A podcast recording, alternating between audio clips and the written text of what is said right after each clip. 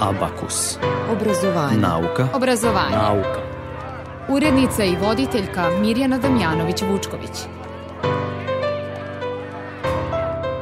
Koliko se urbana klima razlikuje od prirodne, odnosno klime van grada, tema je današnjeg Abakusa. Dobar dan. Vreme je za nauku i obrazovanje. Ko uklet jedrenjak, u gusti modri mrak, uranja kolodvor. O dobra noć, Banja Luko, ne, ne dolazim, samo prolazim. Nismo se videli dugo, da li to beše čast, šinjel maslinast.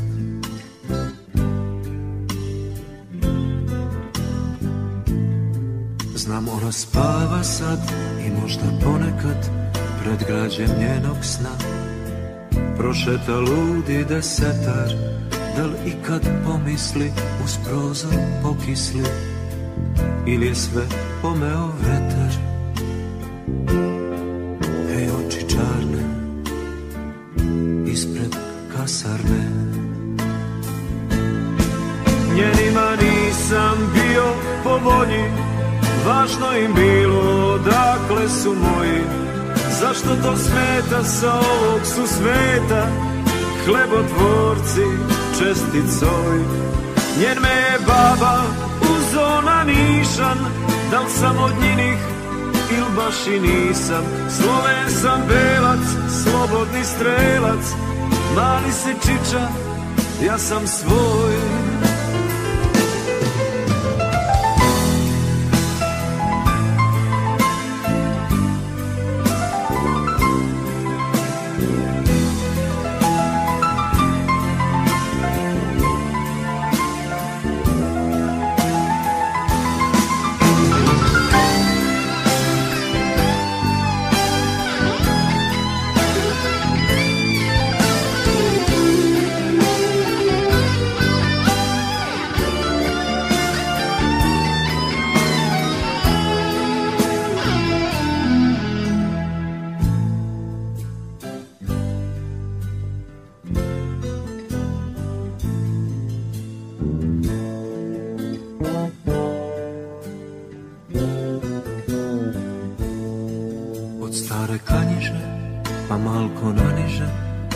Gde ti se uspori.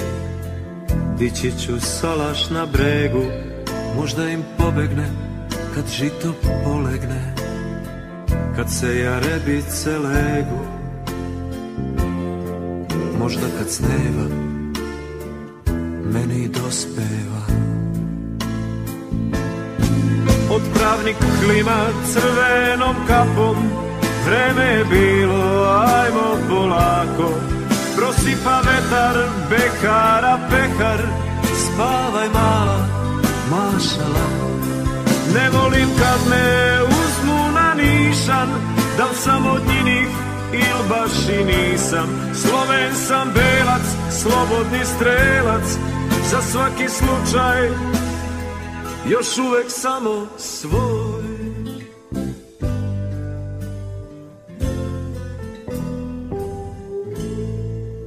U studiju Radio Novog Sada je profesor dr. Stevan Savić, redovni profesor na Prirodno-matematičkom fakultetu u Novom Sadu. Dobar dan. Dobar dan, hvala na pozivu. Hvala vama što govorite za Radio Novi Sad. Tema vaše e, doktorske disertacije je kretanje ekstremnih temperatura vazduha na području Vojvodine u periodu 1951. do 2000. godine. Ima li tu nekih ekstremnih temperatura za tih 50 godina? Pa ima to je zadnjih decenija, druga polovina 20. veka je bila dosta aktualna, pogotovo zbog rasta temperature od polovine 80-ih, a naročito 90-ih godina. Tako da se tu vidi intenzitet rasta temperature, pogotovo kod ekstremnih temperatura, kao što su maksimalne i minimalne temperature ili I tropski koje su dani, te tropske noći. maksimalne i minimalne za Pa, tih 50 godina? Same apsolutne vrednosti nisu toliko interesantne, one se menjaju od godine do godine, nemamo svako leto da kažemo veoma toplo nekad je. Ali je, na primjer, tendencija u drugoj polovini 20. veka bila takva da su otprilike rast temperature išao negde oko 0,5 stepeni Celzijusovih prosečna godišnja. Dakle, od 50. do 2000. godine je otprilike rast temperature bio negde oko 0,5 stepeni Celsijusa. To nije tako, nije malo, nije ni puno, to je negde u sredini, što je tipično inače za umereno geografske širine i za kontinentalnu klimu, da smo nekako između Mediterana i, i, i krajnjeg severa Evrope, gde su stvari najveći trendovi rasta temperature.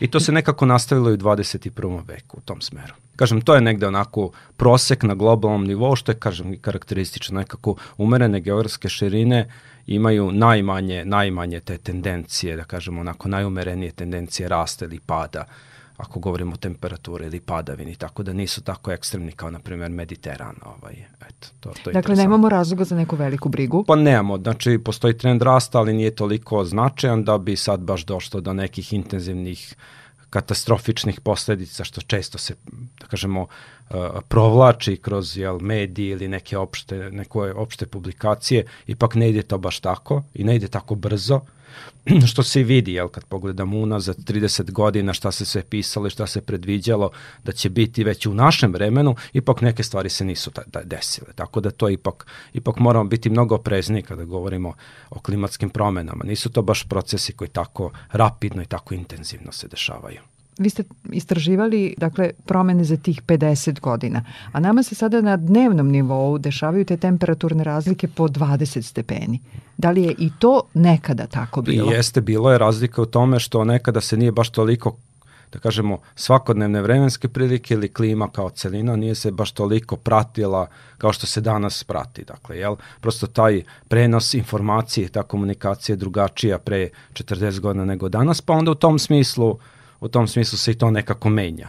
E, danas pratimo svaku vremensku nepogodu, smatramo nekom veoma bitnom posledicom, a mislim vremenskih nepogoda je bilo i ranije. Jesu tendencije oko nekih elemenata, više na primjer pojava uragana u svetu, raste, kada gledamo, gledamo zadnjih 40-50 godina, ovaj, dolazi do, do te promene u rasporedu, rasporedu padavina, ako gledamo, na primjer, godišnji nivo, mi nemamo pad visine padavina. Jel? Nekako sve ide isto. Međutim, kad gledamo unutar godine, onda vidimo da taj raspored po godini se polako menja, da nije tako kao što je nekada bilo. Tako da u tom smislu, u tom smislu uvek treba biti malo prezni kada govorimo šta se zaista menja i kakve su posljedice, a šta ipak je šta se, na primjer, menja da nije direktno uticaj čoveka. Ima i toga isto, da, da su neke pojave se dešavaju koje u suštini nisu neka posledica antropogene aktivnosti, nego se one ciklično dešavaju. Pričat ćemo o tome. Slušate Abakus na talasima Radio Novog Sada. U studiju Radio Novog Sada je profesor dr. Stevan Savić.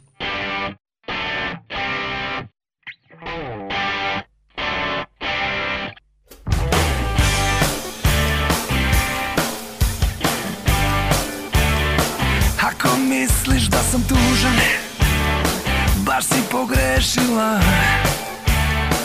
Jer ja se krijem kao mesec U tvojim očima.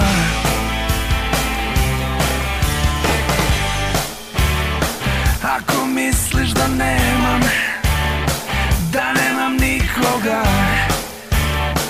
Da me noću ljubi Baš si blesala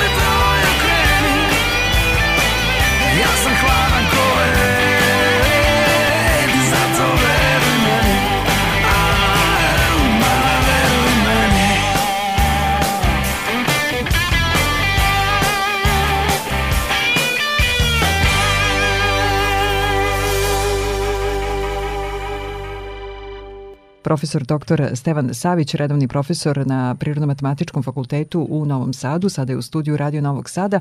Dakle, e, vi ste upisali PMF i želeli da se bavite upravo ovim poslom kojim se sada bavite.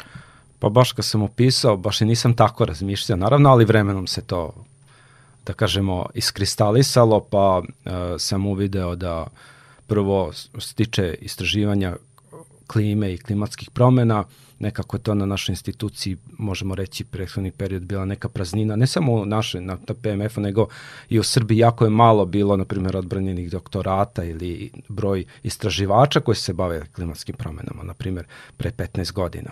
Otprilike na pet prstiju ste mogli izbrojati tačno u svim institucijama u Srbiji ko se, ko se bavio klimom. Sad Sada? se to promenilo malo, sad ima jedno dva, tri puta više ljudi koji se, bar kad govorimo o geonaukama, ima tu, ovaj, ne računajući meteorologije, jel, koji pripadaju više fizici, kad govorimo o klimi, o geografiji, jel, geografsko tu sada ima mnogo više ljudi koji se bave time, malo se to promenilo.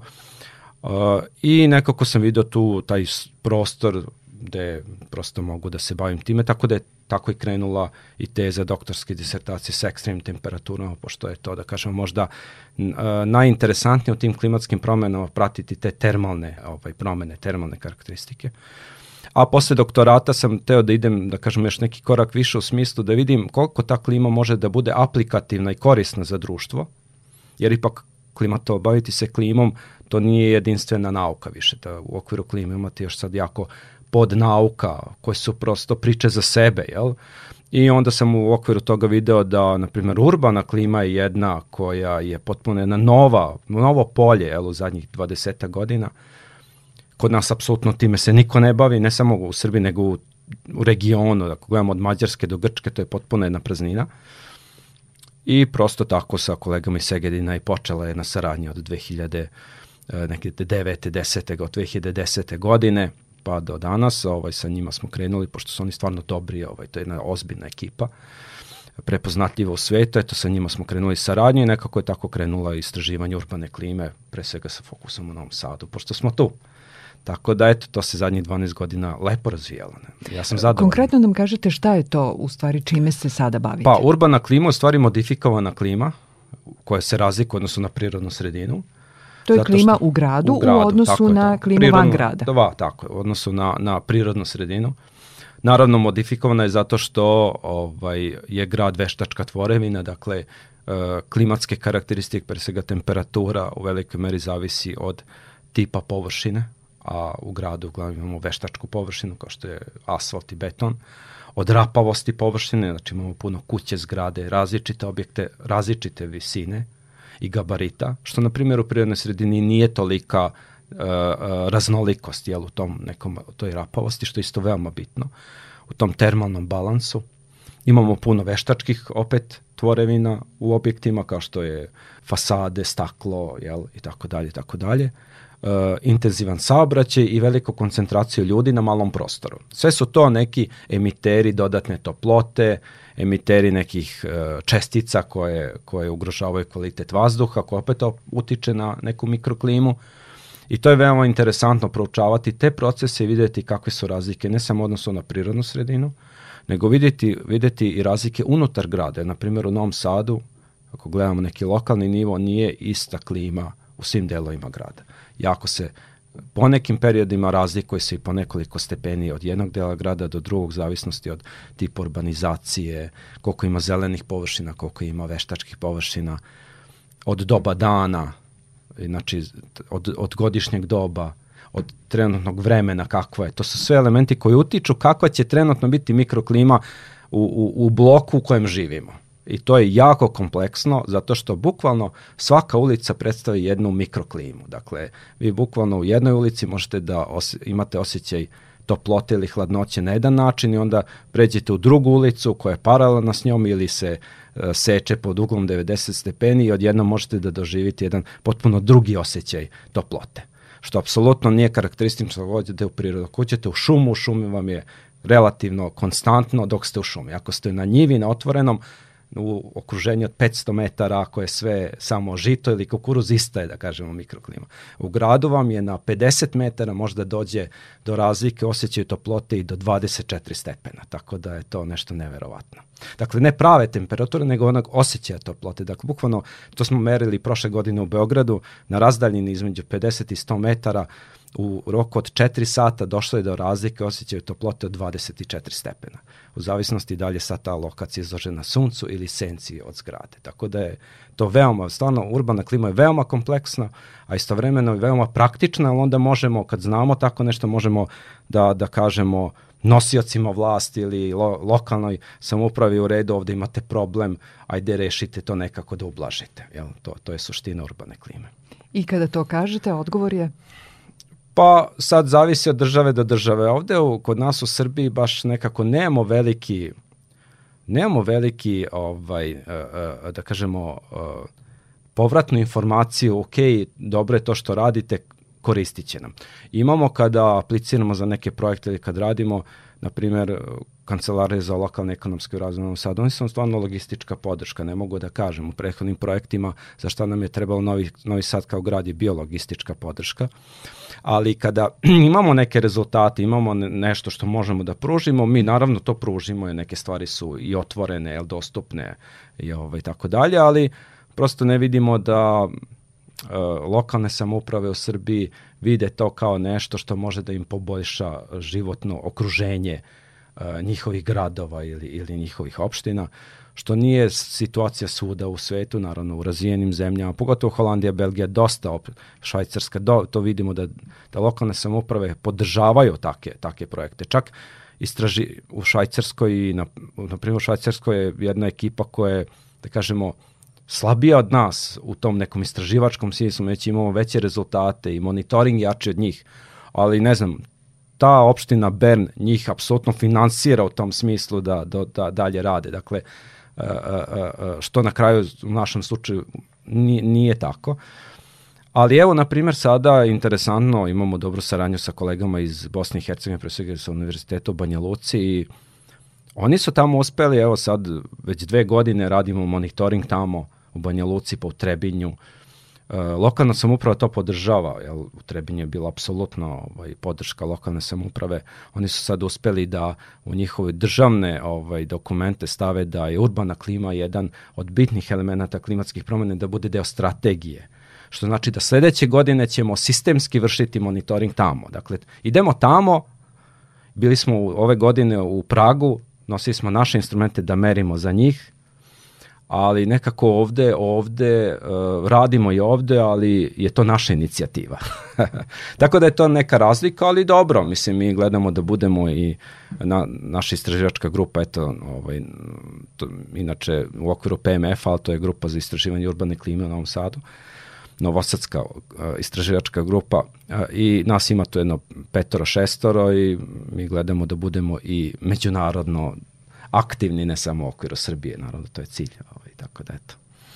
Slušate Abakus na talasima Radio Novog Sada. U studiju Radio Novog Sada je profesor na Prirodno-matematičkom fakultetu u Novom Sadu, Stevan Savić. Nastavit ćemo razgovor. Muzika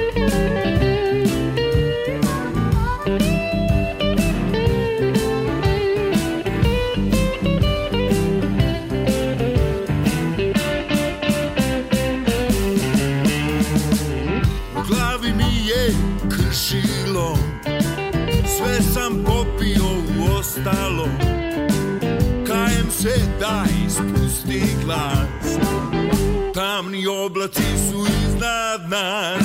Stani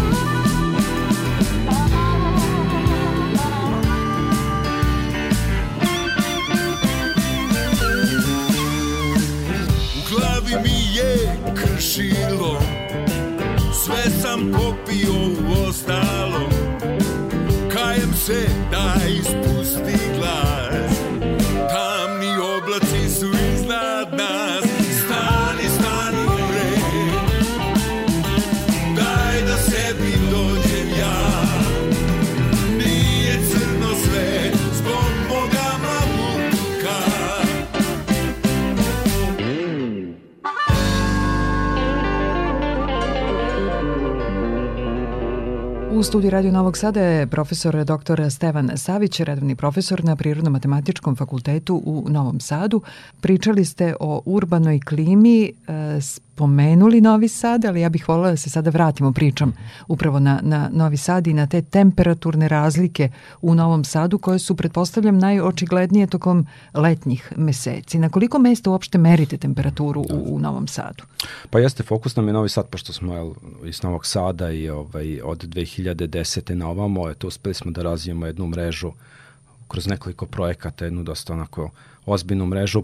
Prva mreža nam je bila sa 28 senzora za temperaturu i relativnu vlažnost vazduha. Ta, ta mreža je radila nekoliko godina, mi sad imamo onako detaljnu bazu od desetominutne podatke za 3,5 godine koje smo dosta publikovali i imamo i mrežu padavinskih stanica, imamo sad još jednu malu mrežu automatskih meteoroloških stanica koje funkcionišu. Tako da je onako Novi Sad kao srednji grad, evro, srednji evropski grad baš onako dosta ovaj, bio pokriven i sad je još i dalje tako.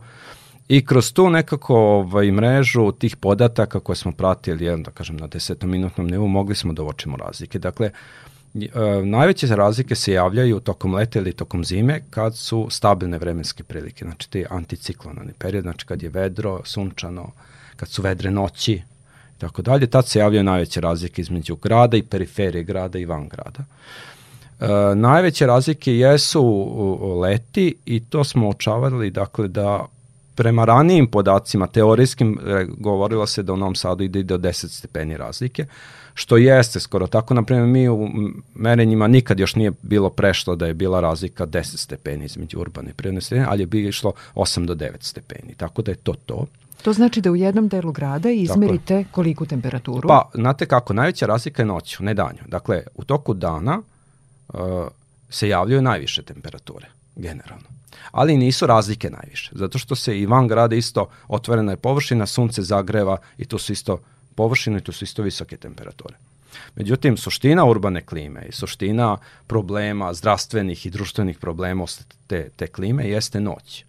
Dakle, u, priro, u prirodi, pošto je isto otvoren prostor, kada imamo noć, onda ta toplota brzo odlazi, ide u visinu i onda se ta površina i ta vazduh hladi. I onda mi, na primjer, već posle ponoći imamo znatno nižu temperaturu, pa može da se spava sveže, ja tako je. I treba pokrivač. Tako je. A u gradu je suprotno. Dakle, u gradu, mi kad imamo one toplotne talase, nama se u gradu temperatura od preko 30 stepeni zadržava do posle ponoći. Ne pada dole. Zašto? Zato što se ta urbana sredina jako zagrejala govorio sam o rapavosti terena, znači različite visine, pa onda taj vazduh ne može brzo da ide gore zato što te zgrade ne dozvoljavaju, nije dovoljna otvorenost neba.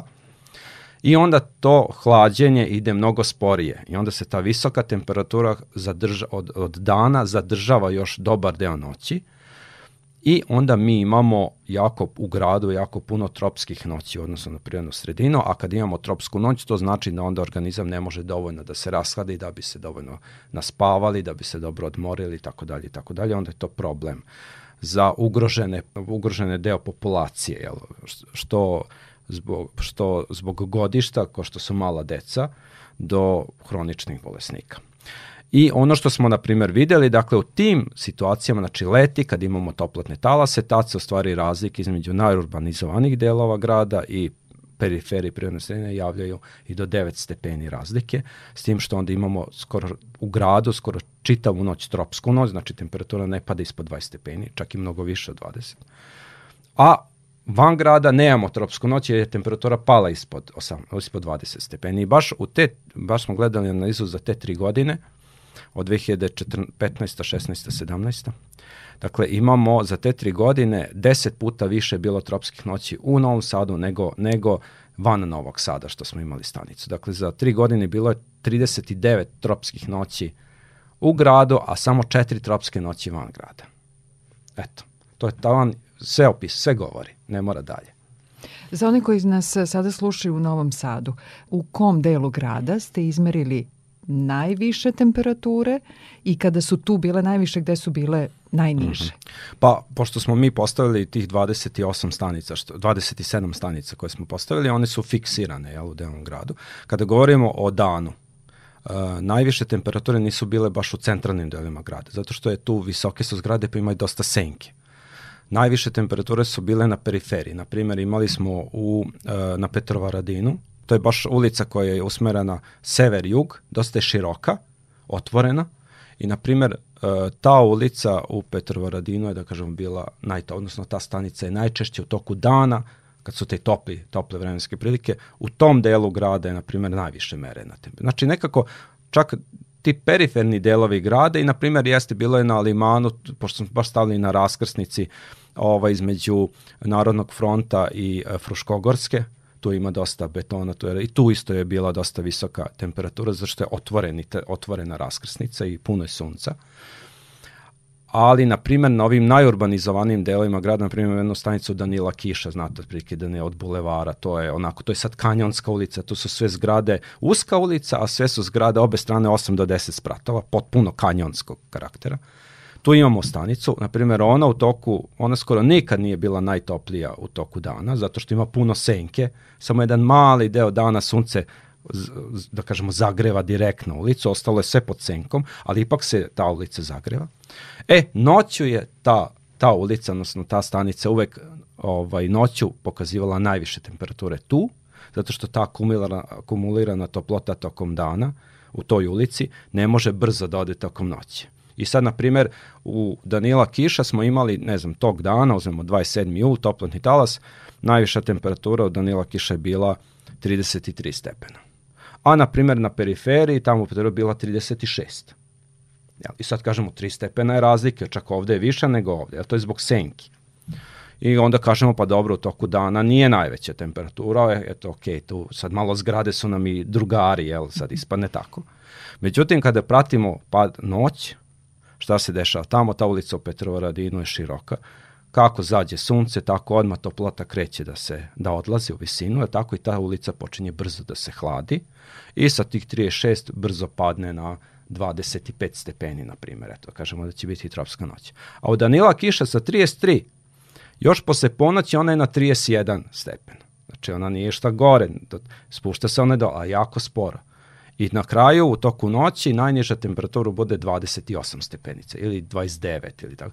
A tamo u, u, u Petroardinu, ne znam, do 4 ujutru, kad su inače najniže temperature, spusti se na 22, isto je tropskom noći na 20, a ovde se spusti do 28-29. I šta onda i onda na kraju imamo 6-7 stepeni razliku. E to, to je suština urbane klime i to je taj problem koji se javlja. Dakle, noć je u stvari najveći problem i uh, te noćne temperature u stvari najviše ugrožavaju uh, kvalitet života stanovništva i zato u stvari treba uh, pratiti, analizirati i videti koji je optimalni odnos izgrađenih površina, zelenih površina, da bi na neki način to maksimalno moguće ublažili.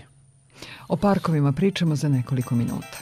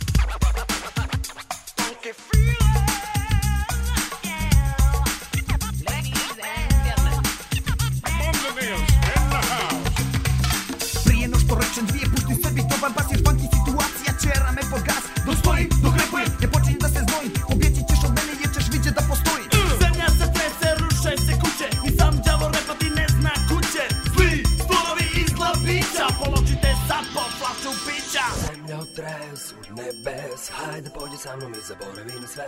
Zemlja u tresu nebes Hajde pođi sa mnom i opusti se. Zemlja u tresu nebes Hajde pođi sa mnom i zaboravi na sve. Zemlja u tresu nebes. Zemlja u tresu nebes Hajde pođi sa mnom i zaboravi na sve. Zemlja u tresu nebes Hajde pođi sa mnom i opusti se. Zemlja u tresu nebes Hajde pođi sa mnom i zaboravi na sve dance, and the dance, who let dance, hide the boys,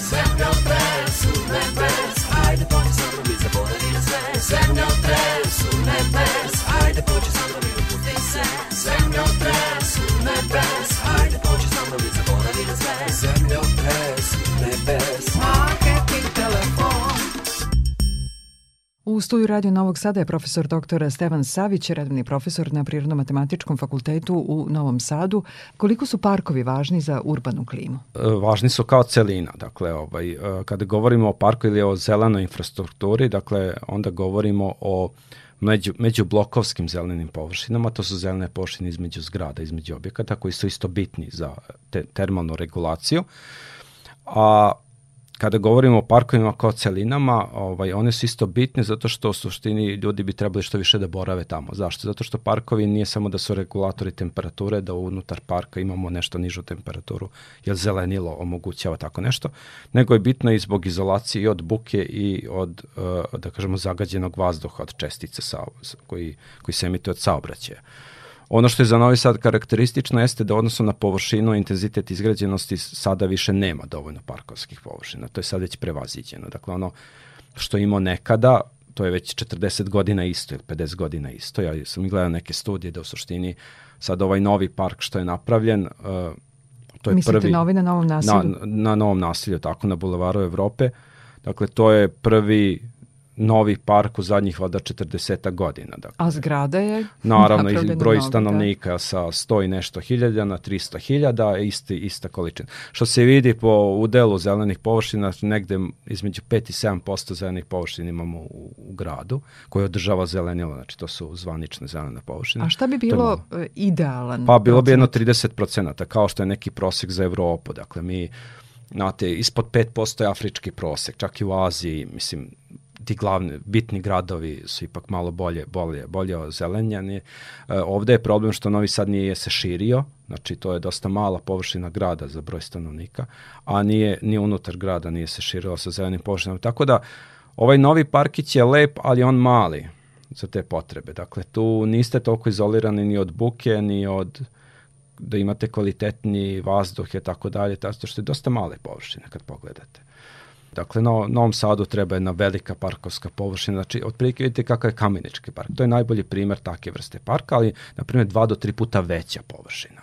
Da kad vi uđete u taj park da se zaista izolirani od, od celokupnog urbanog uticaja. To su baš karakteristični parkovi koje sam video i u Malmeu i u nekim drugim gradovima. Dakle, nemaju oni puno parkovskih površina unutar grada, ali imaju velike parkovske površine. Dakle, baš da bi se moglo, moglo onako potpuno pobeći od te gradske vreve, što mi nemamo. Dakle, koji god park da uđete, skoro da vidite, skoro da vidite ovaj saobraćaj koji se kreće. Dakle, niste dovoljno izdvojeni. To nije dobro, to za Novi Sad. To prosto Novom Sadu fali. Ja bih volao da, ja razumem da ne može unutar grada napraviti jednu tako veliku površinu i ne mora. To može da bude i na periferiji, na nekom delu gde će se grad dalje širiti, da ima prostora. Možete prilagoditi javni saobraćaj tome, je tako? I ovaj, da bi to ljudi koristili. Neko će reći imamo Frušku goru da je šuma i tako dalje. Jeste, ali ko što vidite ljudi to ne koriste. Znači ne može sad jedan, jedan penzioner koji ima dva unuka da odvede sad jel, u prirodu. Nije praktično da ga ode na, odvede na Frušku goru ako nema svoj sobstveni auto. Dakle, prosto čak ni javni prevoz to ne omoguće. Dakle, imamo tu Frušku goru, ali je neiskorišćena jer nismo tako, dostupnost nismo obezbedili, to je definitivno. I sigurno bi to ljudi koristili, pratili i, i kori, koristili usluge tamo, to je jedna velika parkovska površina, može da bude i sa nekim lokalom, da se sedne sa naravno definisanom muzikom i sve, sve to prosto ono koncept, samo od, ne morate ništa smišljati. Odete na par evropskih gravi, vidite kako uređeno i samo copy-pastujete i rešili ste problem. Tako da vidim, na primjer, vikendom koliko je Kamenički park opterećen sa ljudima i znači ljudi to hoće i to bi prihvatili ako bi im se ponudilo. Nastavit ćemo razgovor, za nekoliko minuta ćemo pričati i o tome koji smer na PMF-u treba da upišu oni koji bi voleli da se bave ovim poslom kojim se vi sada bavite.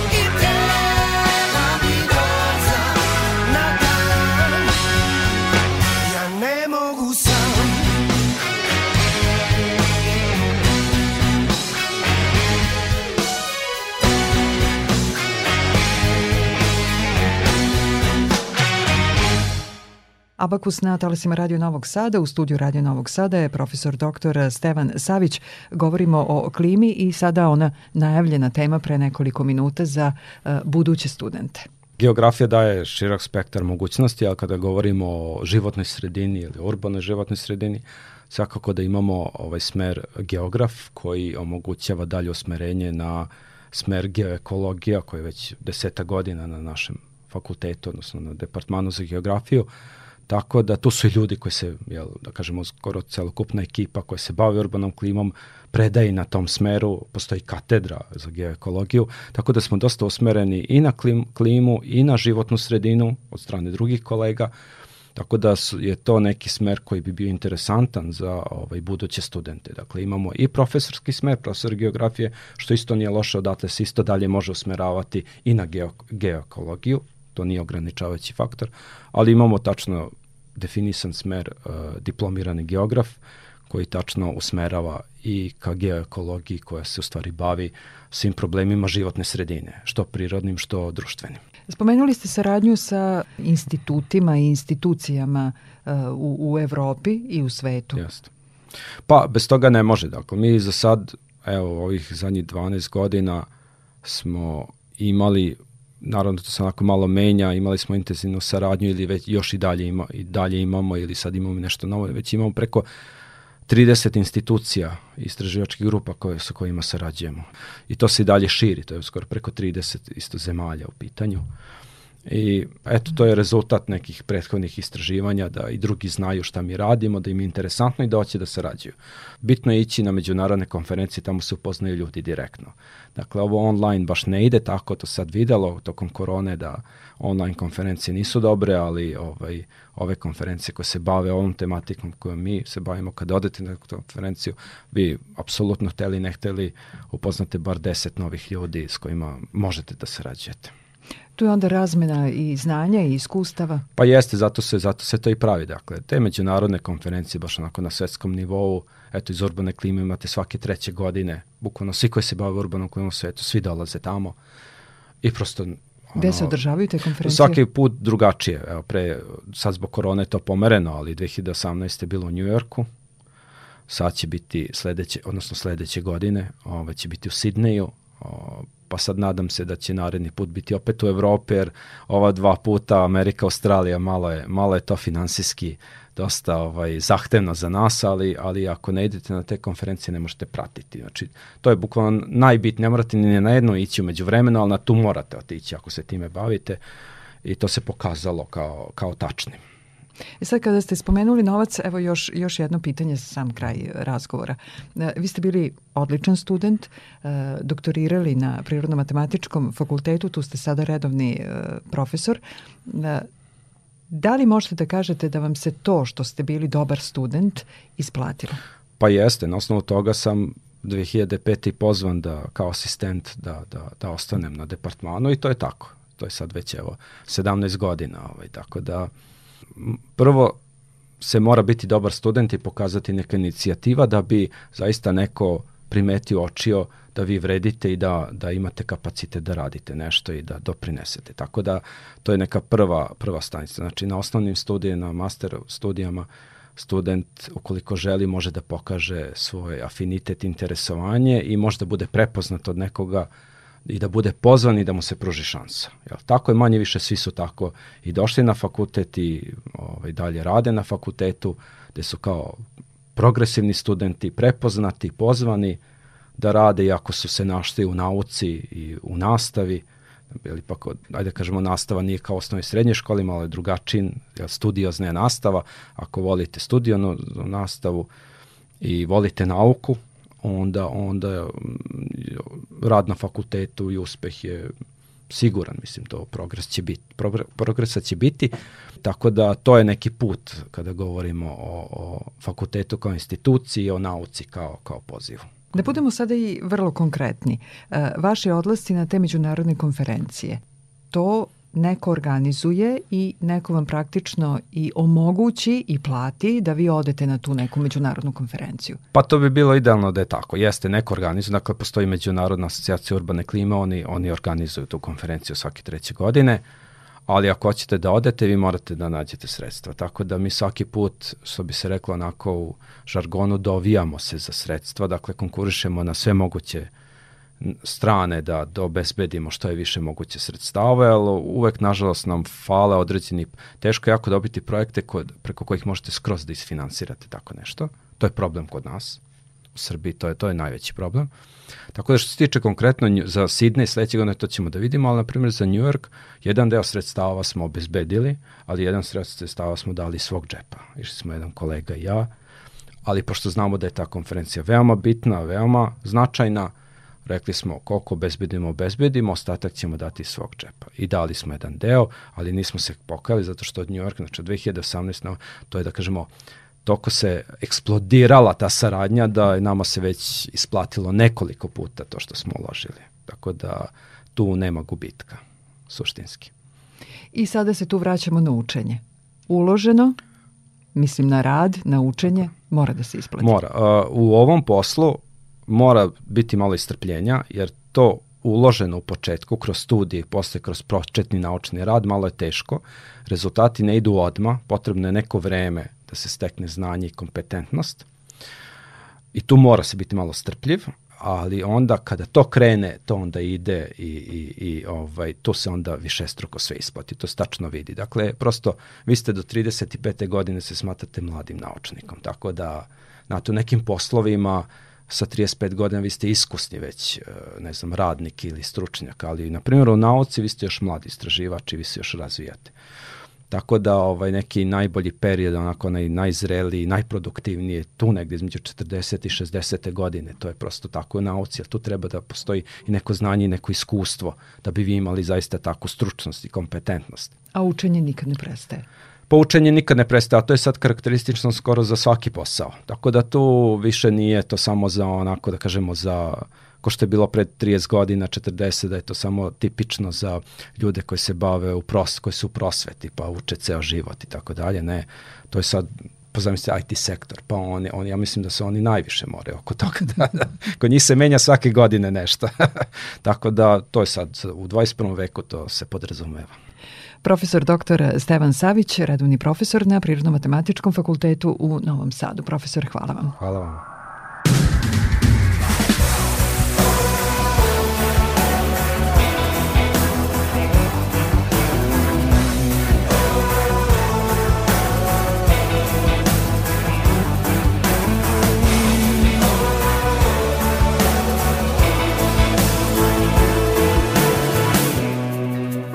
I to bi bilo sve u današnjem Abakusu. Do sledećeg pozdravljaju vas ton majstor Damjan Šaš, muzički urednik Zoran Gajinov. Ja sam Mirjana Damjanović-Vučković. Kad niske nam grane Dohvate konce ljubavi Mi nemamo znanje Da bi iste otpleli A srca što vuku Svako na svoju stranu Znaj da to što